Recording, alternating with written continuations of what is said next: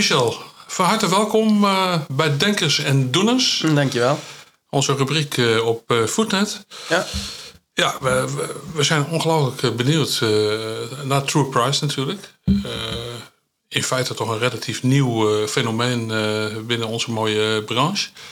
Daarom hebben we je uitgenodigd om, ja, om je eens goed aan de tand te voelen hierover. Ja.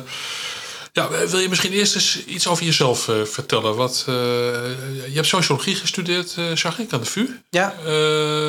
ja. Waarom heb je dat gedaan? Wat was je motivatie daarvoor? Ik ben begonnen met bedrijfskunde. Ja. Ik zat in de collegebanken en toen vroeg de professor aan 300 studenten: wat wil je later worden? En docent kwam voorbij, journalist kwam voorbij. Ehm, toen kwam het woord manager voorbij. En daar ging als een wave gingen de handen omhoog in de collegezaal. En ik dacht, ik moet hier weg.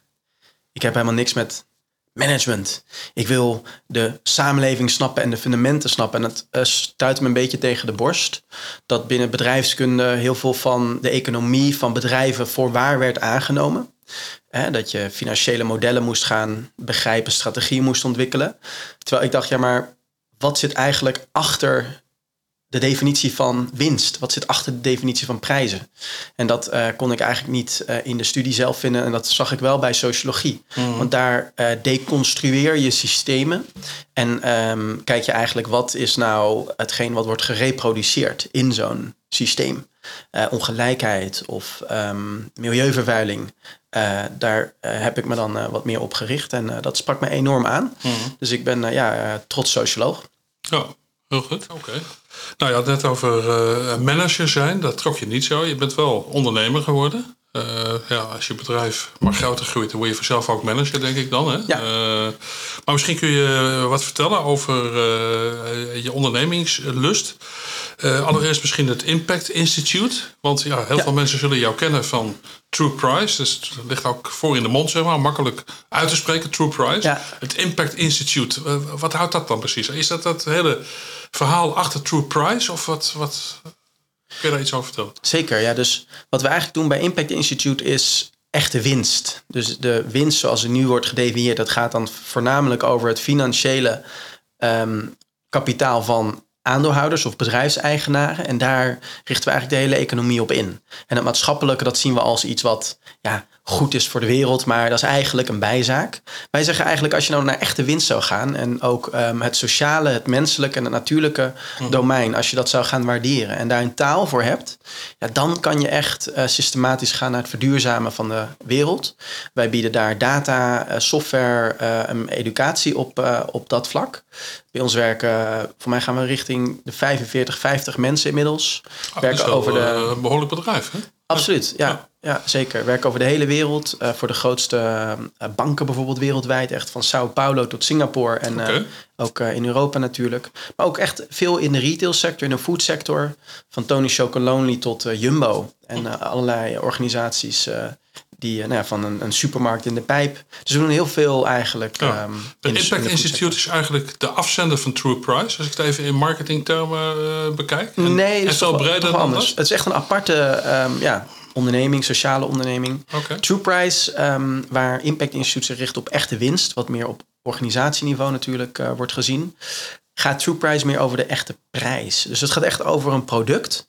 En we kijken daarnaast bij True Price echt op de waardeketens en de kosten voor de samenleving en voor natuur. Ehm, terwijl we bij Impact Institute ook kijken naar bijvoorbeeld werkgelegenheid en ehm, gezondheidsbaten van eh, producten en van, eh, Ja. van diensten. Het zijn gescheiden entiteiten in zekere zin. Ja, absoluut. Eh, True Price Ja. definieer je als een product. hè? Ja.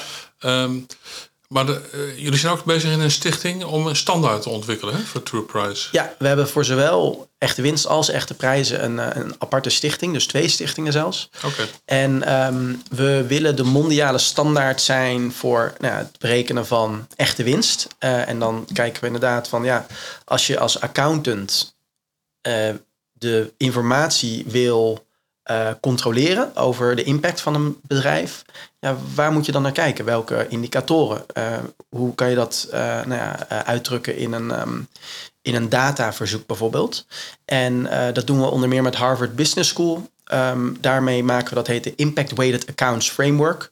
En dat is ja, een open source document waar ja, ehm, in onze ogen impact accounting mee kan worden gedaan. En dat zijn hele slimme ja, mannen en vrouwen die daar uh, echt onderzoek op doen. Wij doen al meer dan tien jaar echt fundamenteel onderzoek. Zitten een aantal PhD's ook in. Mhm. Natuurlijk vanuit Harvard, uh, een professor, George Serafim. Uh, met Erasmus Universiteit doen we dat ook. En we denken, als we dat gewoon publiek beschikbaar maken, dan gaat die transitie naar echte winst veel sneller. Okay. Daarnaast hebben we dan True Price Foundation en daar ja, bouwen we eigenlijk die mondiale standaard. Dat doen we onder meer met Wageningen Universiteit. Um, en wat daar het doel is natuurlijk, is dat ja, iedereen eigenlijk de taal voor echte prijzen, dat die dat uh, eigen um, kan maken. En dat eigenlijk ja, van een basisschool economieles tot uh, ja, postdocs, dat iedereen daar um, ja, echte prijzen kan gaan berekenen. Dat ook boeren um, zeg maar die data zelf kunnen verzamelen en daar ook eigenaarschap over kunnen krijgen. Mhm. Denk aan het stikstofdossier, ja, de discussie over wat is nou wel en wat is nou niet de echte prijs van stikstof, maar ook uh, inkomens. Hè, de boer die zegt we krijgen onvoldoende in de markt. Ja, uh, leefbaar inkomens, wat is dat? Leefbaar lonen, wat zijn dat? Al dat soort uh, Je vraagstukken. eigenlijk alle aspecten van verduurzaming, ja. als ik het goed begrijp. We hebben gewoon gezegd, ja. wat betekent het nou om echt duurzaam te zijn? Dat betekent dat je nou, op alle sociale en milieukosten, zeg 31 indicatoren, van vervuiling van grondwater en lucht. Ehm, het onttrekken van schaarse materialen, het vernietigen van natuur, uh, van bos, maar ook um, op de sociale kant, hè, het uh, uitbuiten van mensen, kinderarbeid, ja. gedwongen arbeid, allerlei vormen van exploitatie. En tot slot, uh, gezondheid is belangrijk natuurlijk in de context van voedsel, ongezond voedsel. En tot slot ook um, corruptie en, en allerlei maatschappelijke Eigenlijk schade. kun je zeggen dat je een soort vertaling doet van de SDG's, uh, uh, in zekere zin. Uh, en dat ja. zeg maar heel praktisch toepasbaar maakt. Enigszins. Ik denk allebei, zowel de SDG's als een echte prijs, hebben als fundament dat we kijken wat zijn nou eigenlijk rechten die mensen zouden moeten kunnen, waar mensen over zouden moeten kunnen beschikken. Um, een recht op een waardig leven, recht op uh, vrij zijn van uitbuiting, recht op een schone uh, natuurlijke omgeving. En um, wij kijken eigenlijk wat kost het om die rechten te herstellen, te uh, compenseren en schade te voorkomen. Mm. En, en, en hoeveel kost dat? SDG's, dat is eigenlijk ook wereldwijd een mondiaal proces geweest waar landen hebben gezegd, hoe gaan we nou zorgen dat we in de komende, um, dat was dan 15 jaar, vanaf 2015 eh, tot 2030. Armoede, wat uiteindelijk ook een recht is, het vrij zijn van leven in armoede. Hoe gaan we zorgen dat we dat realiseren met de wereld? En ja, we gaan daar doelstellingen op um, zetten. Dus ja. geen, vrij, geen armoede meer, geen honger meer, et cetera. Ja, duidelijk. We hebben natuurlijk ja, nogal wat certificatiesystemen hè, in de wereld. En ja. Ook in Nederland natuurlijk. En ja, daar horen we regelmatig uh, commentaren op. Dus het zijn er veel te veel. Consument ziet door de boom het bos niet. Uh, wat, wat vind je daarvan? Want eigenlijk ben je nu bezig om een standaard uh, toe te voegen. Wij zien eigenlijk dat wij um, heel nuttig zijn voor certificeringsorganisaties. Nee, wij kunnen hen helpen met de juiste data um, gericht op impact verzamelen. Um, en dan ja, niet zeggen van het is wel of niet duurzaam is natuurlijk een illusie. Uh, het gaat over een continu proces. Het gaat mm. over impact, over eenheden als CO2, um, ehm, stoffen als stikstof, kwaliteit van water, kwaliteit van grond. Hè. Dat is een veel genuanceerder, um, noem het eenheid, uh, dan wel of niet uh, gecertificeerd. En, en, met de taal die wij dan ja, introduceren, kun je een veel um, accurater beeld geven van de daadwerkelijke duurzaamheid van een product. Mm -hmm. En je kan ook gewoon laten zien, nou, wat zou het nog kosten om te herstellen, te compenseren en uh, die schade te voorkomen. Okay. Ja, maar het is zeker niet zo dat wij een, een nieuw label in de markt uh, willen zetten. Wij willen gewoon zorgen dat de informatie over de duurzaamheid en de claims die daar uh, plaatsvinden, dat die correct is. Dat die gewoon accurater is. Het is gewoon één grote, noem het, claim show. Iedereen zegt dat die wel of niet duurzaam is. Mm -hmm daardoor, um, dat is ten eerste gewoon vaak niet waar. Dat is niet duurzaam. Er zijn nog heel veel dimensies die überhaupt niet binnen de afbakening is van zo'n label. Laat staan dat ze op die afzonderlijke indicatoren er al zijn. Hè? Er is nog steeds CO2-uitstoot of er is nog steeds armoede. Het is wellicht iets beter dan ongecertificeerd. Mhm. Maar het is nog geen ehm, armoedevrij product of een diervriendelijk product of een klimaatvriendelijk product. Nee. Dus met die aanvullende informatie kunnen we er ook voor zorgen dat de eh, consumenten ehm, bereidheid om te betalen voor zo'n claim, dat die toeneemt. Vind, je, ja, vind jij dat labeling eh, tekortschiet die, eh, Totaal. op dit moment? Ja. Ja. ja, dus er is al decennia ehm, bewijs ehm, in anekdotisch, case studies, maar ook steeds meer meta-analytisch van de toch beperkte impact van certificering. Hoe, komt, hoe komt dat, denk je? Omdat de informatie onvoldoende is. Er is gewoon een valse, wat ik net ook al aangaf, eh, claim dat iets duurzaam is, terwijl dat eigenlijk onderliggend Maar dat is informatie, niet, eh, dat klinkt duurzaam nog is. eh, relatief neutraal. Je kunt je ook voorstellen ja, dat bedrijven het eh, heel fijn vinden als eh, een certificaat ergens op geplakt wordt. Dan is het goed en dan hoef ik me verder niet meer in te spannen. Is, is dat ook aan de hand, denk je? Ja, het, natuurlijk ehm, is het wel zo dat eh, er een soort gemakzuchtigheid insluipt. Hè, dat het wel prima is, zolang we maar claimen duurzaam te zijn en je kan het toch niet echt controleren, dan is dat misschien wel voldoende. En ja, dat is jarenlang geaccepteerd. Gelukkig zie je dat er nu wel ehm, echt wel beweging komt. En uiteindelijk zeggen wij van ja, ehm, zorg gewoon dat de echte prijsinformatie, wat is er nog aan maatschappelijke schade en hoeveel kost dat? Er komt te beweging, zeg je. Maar, waardoor wordt dat veroorzaakt, die beweging? Er zijn een aantal eh, trends. De, een hele belangrijke trend is de technologische trend. Dat is dat de kosten om die ehm, traceerbaarheid, ehm, noem het, In beeld te te, hebben, krijgen? ja, in beeld te brengen, die nemen enorm af. Dat komt door, ja, noem het eh, sensordata, dat komt door de, de rekenkracht, dat komt door satellietdata. Ehm, ongetwijfeld ook eh, blockchain, al is dat niet op dit moment de allergrootste. Eh, social media op de sociale kant, hè, de ehm, media die steeds meer ehm, informatie weten te achterhalen over waar producten vandaan komen. Dus dat is een hele belangrijke eerste trend. Een tweede is de taal die ja, toch steeds beter ontwikkeld is. De taal over CO2. Wat is een eenheid? Wat zijn CO2-equivalenten? De, de, de definities eigenlijk. Die, eh, Ja? De conventies over wat is nou relevant voor duurzaamheid. Ja. Eh, de data die daarover is, die neemt natuurlijk ook toe. Dat is een beetje het verlengde daar dan weer Mhm. van. En ehm, ik denk ook dat bedrijven daar natuurlijk ehm, ja, eh, als derde zien dat dat steeds meer een risico vormt. Ehm, Ja. En dat is omdat we in de jaren 40 al mensenrechten hebben afgesproken wereldwijd in VN-conventie, de ehm, Declaratie voor de Rechten van de Mens. Hmm.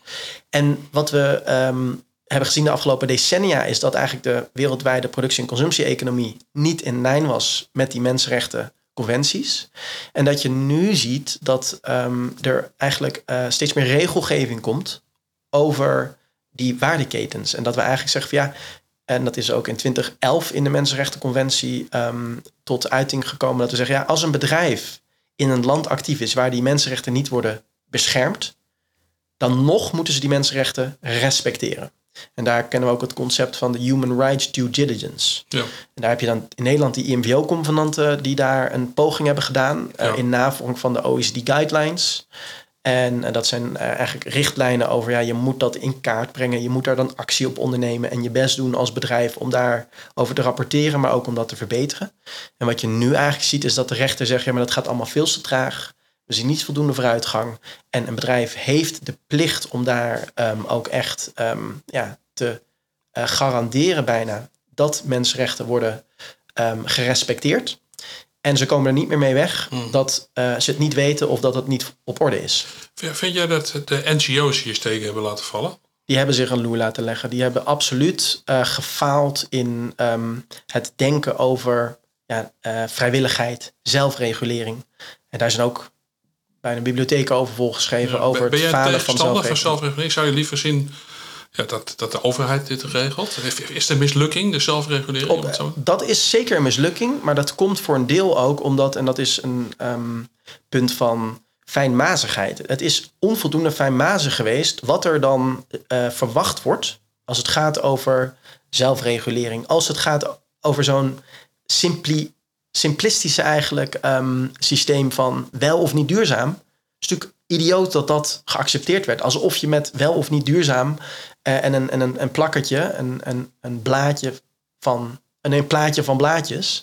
Alsof je daarmee een soort van uiting kan geven en een signaal kan geven in de markt dat iets wel of niet duurzaam is. Dat is een absolute simplificatie van het uh, maar, probleem. maar is dat ooit zo gebracht dan? Want, Zeker, als je uh, kijkt naar de labels, dat zijn toch gewoon stempeltjes. Ja. En uh, dat gaat toch over een hele beperkte afbakening. En dan zegt ze, ja, nu is het goed. En dat is natuurlijk heel ongemakkelijk, want certificeringsorganisaties die weten in principe ook wel dat het nog niet in de haak is. Ja.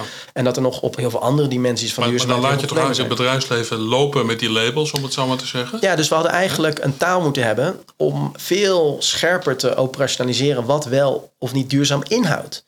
Ik kan Of maar, duurzamer, dat je een stappenplan maakt. En, nou ja, ook gewoon wat wel of niet de duurzaamheid is. En wij hebben in 20, dat was 13, uh, met uh, in de context van het uh, initiatief Duurzame Handel, volgens mij voor het eerst een leefbaar inkomen berekend. een calculatie gemaakt over, nou, we willen dan geen armoede hebben. Daar zou je dan een soort van certificering op moeten geven.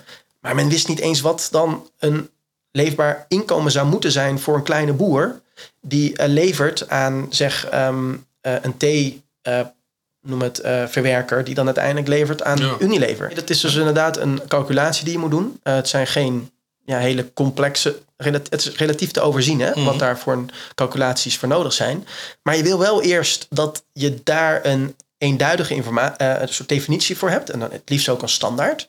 En daar wil je dan, als je gaat voor zelfregulering, dan moet je ook zorgen dat we weten waar we dan op reguleren. En ook dat Ja. je voortgang kan meten op bijvoorbeeld een leefbaar inkomen, het leefbaar inkomensschat.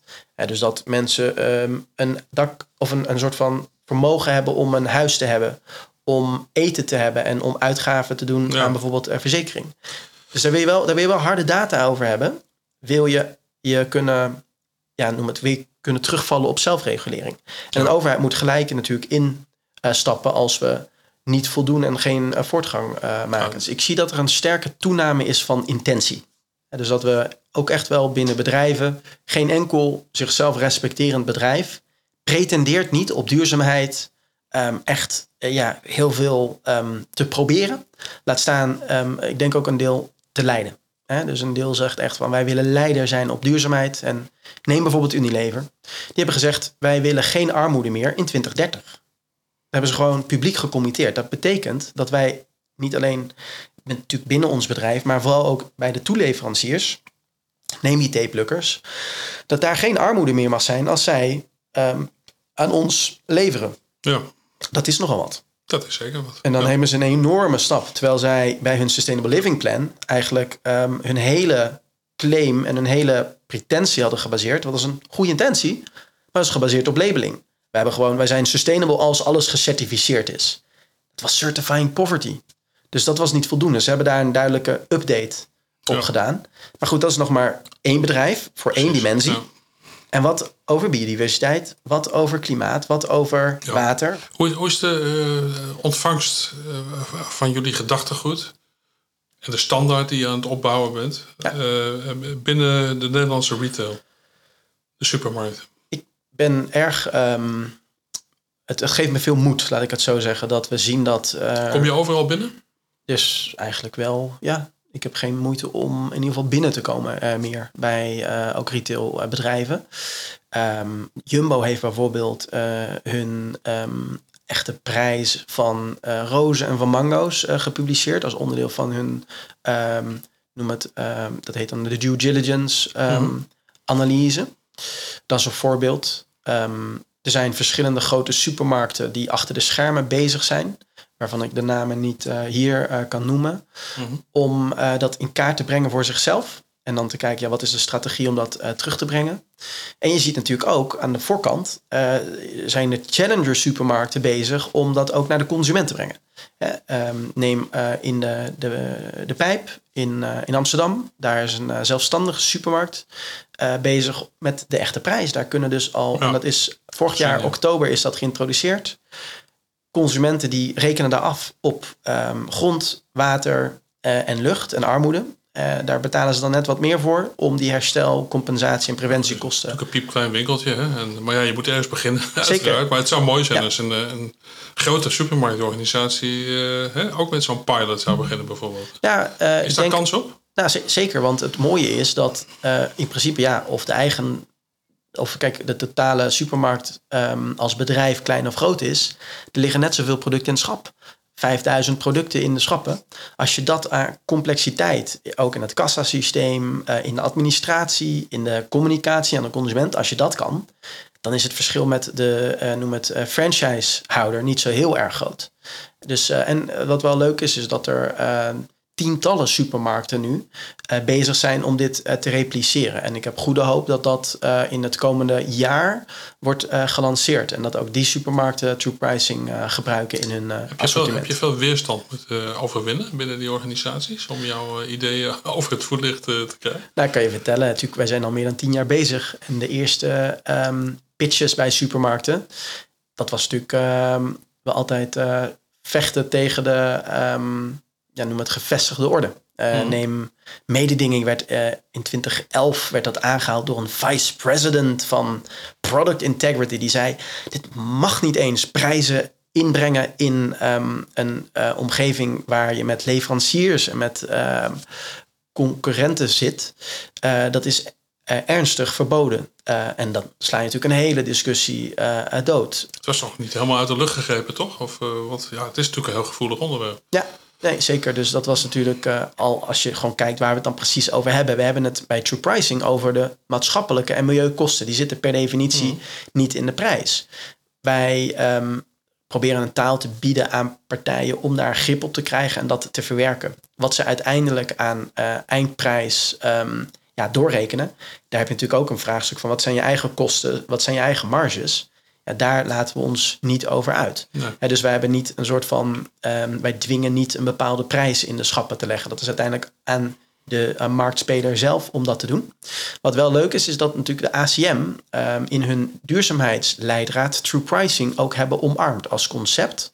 Om um, ja, ook pre-competitief uh, stappen te zetten op het uh, verduurzamen van ketens. En in de meest recente duurzaamheidsclaim-protocol zie je ook dat de ACM um, ehm, daar um, ingaat op nou ja, het concept van een echte prijs. Ja, het is natuurlijk wel zo dat ja, duurzaamheid is misschien de laatste tien jaar steeds meer in de sfeer van competitie getrokken ook. Hè? Ja. Uh, dus hoe verhoudt zich dat dan tot elkaar? Uh, ja. Kunnen mensen ook zeg maar, concurrentie bedrijven door te zeggen: oh, we zijn helemaal in zee met True Price? Op dimensies, um, kijk, helaas wel. Helaas kan je zeggen: ja, um, als uh, Unilever zegt wij gaan armoedevrij zijn in 2030 dan uh, hoop je dat uh, Nestlé hetzelfde doet. En dan hoop je dat uh, Ahold Delhaize hetzelfde doet. Mm. dus daar zie je wel een soort van ja, positieve competitie enigszins. Maar fundamenteel is het natuurlijk diep en diep triest... dat we op de armoede van mensen op dit moment überhaupt een, ja, noem het een, een inhaalslag te maken hebben. Dat zou niet zo mogen zijn. Dus ja, dit zijn nou typisch inherent pre-competitieve thema's. Je mag niet concurreren over de rug van armen in de eerste plaats. En als je daar dan nu ja, voor gaat herstellen en zegt we gaan armoedevrij, dat zou uitgangspunt moeten zijn. Als we de vlag gaan uithangen, dan heb ik al, dat vind ik altijd een beetje pijnlijk. Simpelweg omdat we in een existentiële crisis leven op dit moment. Een crisis die van zo'n grote aard is dat we daadwerkelijk het voortbestaan van de mensheid op het spel hebben gezet. En nogmaals, de voortbestaan van de mensheid. Gewoon massa-extinctie van mensen in de komende 80 jaar. Als we kijken naar CO2 alleen hè, als uitstoot, dus die broeikasgassen. Dan hebben we nog uh, eh, 460 gigaton in de wereld te gaan. Per jaar gaat er 40 gigaton aan CO2 de atmosfeer. En op voedsel is dat echt, dat is, daar is een significant deel toe te schrijven aan uh, de wereldwijde uh, voedselproductie en consumptie. Dat uh, gaat volgens uh, voorspelling van het Internationale Energieagentschap met 5% omhoog. Ja, dus we hebben dan, zeg, als we dat even extrapoleren, nog 10 jaar om binnen de anderhalf graden Celsius opwarming te blijven. Als we gaan naar 2 graden, als we gaan naar 3 graden en prognoses zijn op dit moment richting de 3 à 4 graden, ja, dan heb je een, dat heet dan um, de um, Hot uh, Planet, um, de Hot Planet scenario's. Dat betekent dat je eigenlijk in een soort van visieuze cirkel gaat van mhm. opwarming. Dan gaan er in potentie miljarden mensen dood. Okay, maar, maar, dat is, het, maar dat is, dat, is hoe urgent het is. Dat snap ik. Maar zelfregulering werkt al voldoende, hè, zeg je? Ja. Uh, Tenminste, uh, vrij, vrijblijvende zelfregulering. Dus dat je eigenlijk überhaupt geen duidelijke definitie hebt van, het, eh, van, van wat we precies aan Oké, um, dan kan ambitie hebben hoe je dat zou moeten... marketing, ja, dat vind je eigenlijk niet passend. En eh, nee, misschien ook eh, te lang hè, om eh, het probleem op te Ja, lossen. het is gewoon heel pijnlijk. Ik had het net over klimaat, maar op biodiversiteit en natuur. Dus gewoon in de afgelopen 50 jaar. ach- 66 nee, 68% van de populatie van dieren is uitgestorven. In Nederland heb je geloof ik 90% van de natuur staat onder druk volgens het PBL. Nou ja, ehm, wat je aan ehm, in Nederland alleen al eh, zeg eh, 9 miljoen kilogram gif per jaar gaat er het land in. Ik eh, eh, hoorde vandaag dat er bijvoorbeeld op de wijn, het wijnassortiment in de supermarkt is gewoon eh, glyfosaat weer aangetroffen in samples. Hè? Dat is gewoon, eh, we hebben een, op dit moment een pandemie van Parkinson. Dat wordt direct in verband gebracht met de blootstelling aan die eh, gif. Ehm, kijk nog even naar alle verpakkingen en plastics. De toename eigenlijk hè, van plastic afval in de wereld. Ja, maar Dus- dus we- hebben een existentiële aan de crisis. overheid is om die existentiële crisis Zeker. op te lossen? Ja, absoluut. Ik zou ervoor pleiten dat de overheid dit ehm 100% eh, zou oplossen. Kijk, wat natuurlijk. Maar hoe doe je dat zonder het bedrijfsleven van je te vervreemden? Ik bedoel, het zijn niet allemaal De bedrijven moeten veel meer eh, volwassenheid tonen en veel meer verantwoordelijkheid. En niet zo kwetsbaar doen. Het zijn vaak miljarden, miljoenen bedrijven, eh, hartstikke eh, volwassen eh, bestuurders, ehm, topprofessionals. Die moeten gewoon de base in de, in de back durven kijken. En gewoon zeggen: we leven in een existentiële crisis. Waar dus daadwerkelijk voor het bestaan van de mensheid op het spel staat. Ik heb nog niet gehad over die sociale kant. We hebben tussen de 20 en 40 miljoen mensen die in een vorm van slavernij op dit moment in de wereldwijde productie- en consumptie-economie zitten. En een groot deel daarvan zit in de informele economie. Maar dat is een ander voorbeeld. Of we hebben het over 500 miljoen ehm, eh, kleine boeren ehm, en boerengezinnen, waarvan er honderden miljoenen in extreme armoede leven. Eh, je kan geen product noemen die enigszins wereldwijd in, in ketens zitten, maar ook zeker in Nederland. Eh, neem eh, de zeg tienduizenden ehm, noem het migratiemedewerkers uit Centraal-Europa, die hier onder erbarmelijke omstandigheden van aspergesplukkers eh tot, tot appels, ehm, noem het plukken. Dat soort ehm, dat is de realiteit. En, en we moeten dat onderkennen. Zolang een supermarkt er nog uitziet als een ziekenhuis en het nog als een soort van klinisch, ehm, ja, noem het, ehm, ja, klinische omgeving wordt, wordt gebracht, dan vraag ik me af of we wel voldoende die urgentie eh, voelen. Wat, wat bedoel je, supermarkt ziekenhuis? Dat, dat begrijp ik even niet. Nee. Wat ik nu beschrijf, dat is de realiteit. Dat is gewoon wetenschappelijk ehm, materiaal en, en bronnen. Dat zie je niet terug in de supermarkt. Oh, je ziet in een supermarkt gewoon producten waar allerlei eh, lachende eh, boeren worden geportretteerd. Ja. Ehm, daar wordt niet deze realiteit eh, transparant gemaakt. Ook in die ja, marketingfeestjes. er wordt dus voortdurend een vlag gehezen als de plastic tasjes uit de groenteafdeling gaan. Maar dat is equivalent aan de plastic rietjes uit het bedrijfsrestaurant. Dat is natuurlijk dat is heel wat, omdat het een hele grote supermarkt is. Maar het is natuurlijk op de totale schaal van zo'n supermarkt is dat natuurlijk gewoon niet het, een, een extreem laag maar het gaat, ambitieniveau. niet snel. Het is gewoon om je eigenlijk een beetje voor te schamen. En ik durf zelfs de stelling aan dat als, het, als dit type beleid gevierd zou worden, als dit type plannen geaccepteerd zou worden, dat rekent allemaal voor geen millimeter rekent dit door, als je het door zou rekenen. Geen manager zou het ook maar durven om dit te presenteren aan een CEO. Maar omdat het over duurzaamheid gaat, ehm, zijn mensen in één keer in een soort jubelstemming. Terwijl, ja, wat ik zeg, we zijn in dat opzicht muzikanten op de Titanic. Het is alsof we een soort van nog even die viool, die cello bespelen, waarvan je afvraagt, zou die cello drijven?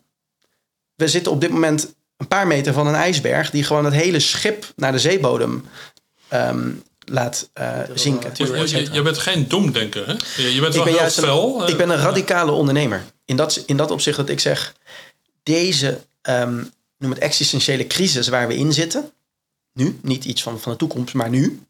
De enige manier om dat op te lossen is met innovatie. Met de inventiviteit van menselijke verbeeldingskracht. ehm, en met investeren. Maar we moeten wel vanuit de feiten handelen.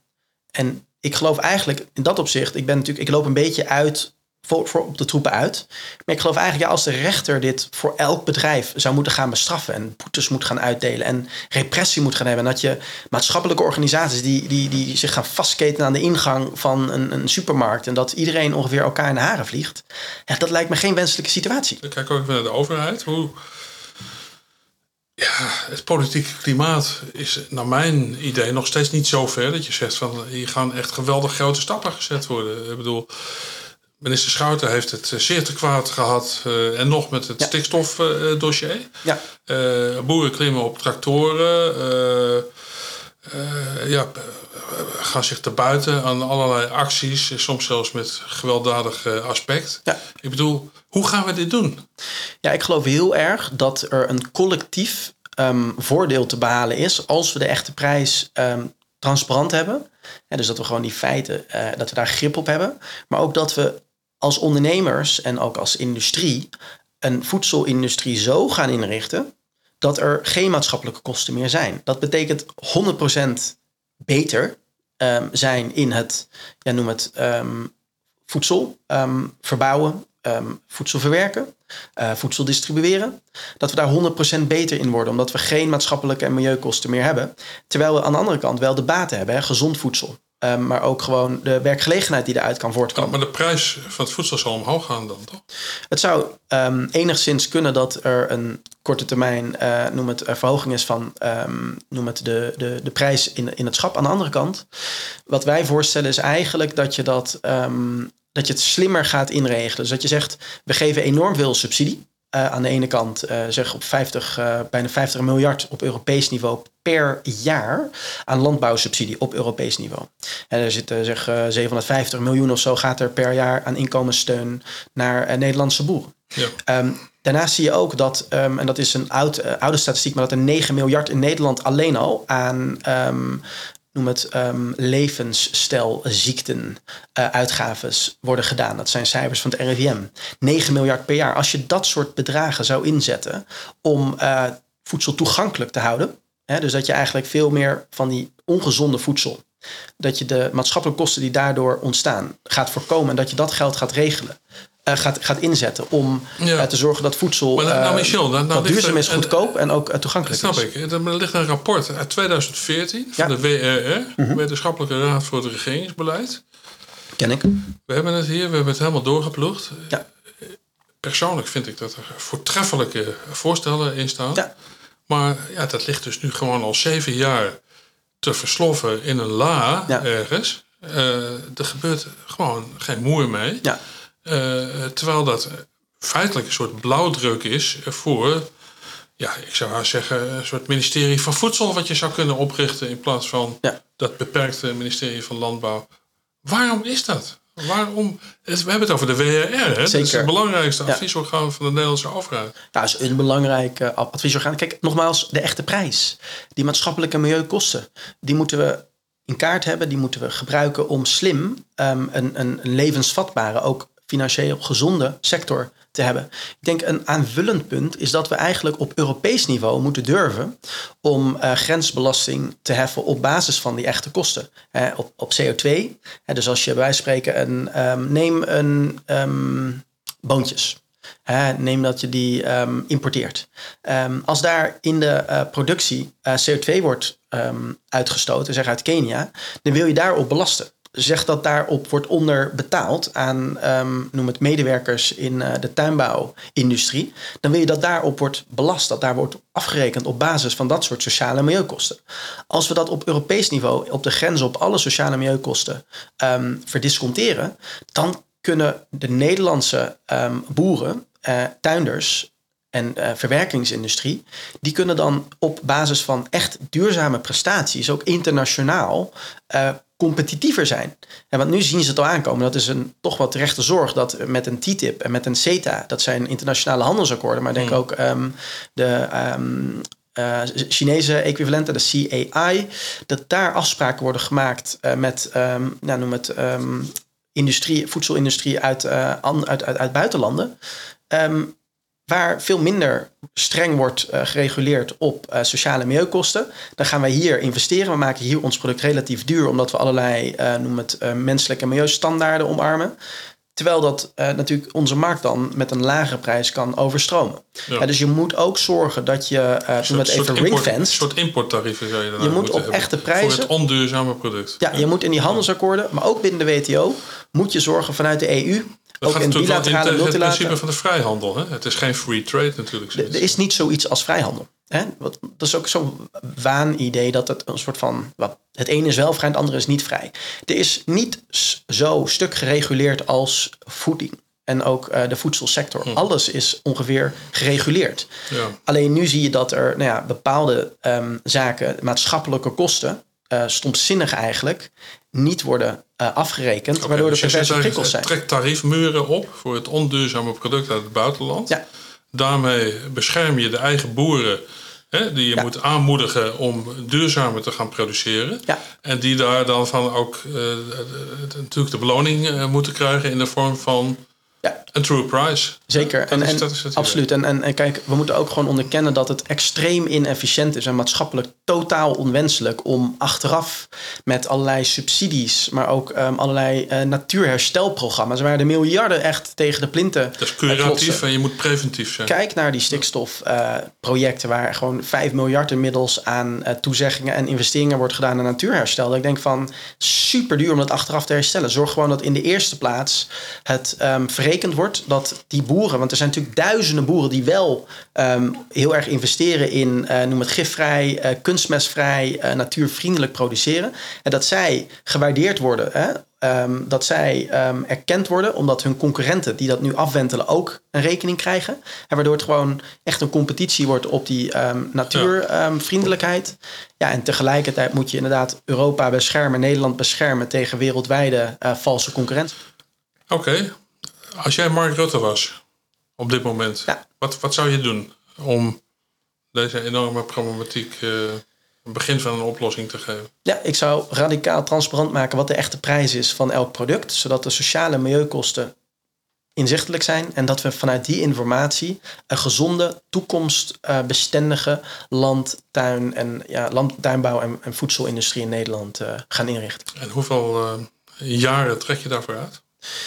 Ik zou dat eh, in 2030, ehm, noem het voor alles een echte prijs eh, willen hebben. Eh, en dus ook ja, op een bepaalde manier budgetneutraal, slim voor ehm, ja, eigenlijk ter bevordering juist van de inkomenspositie van, van boeren. Ook de ondernemerskracht binnen de land- en tuinbouw zou ik willen bevorderen met, met gewoon ja, de kracht van informatie en de kracht van feiten. Dus ik zou in 2030 ehm, voor elk product een echte prijs willen hebben.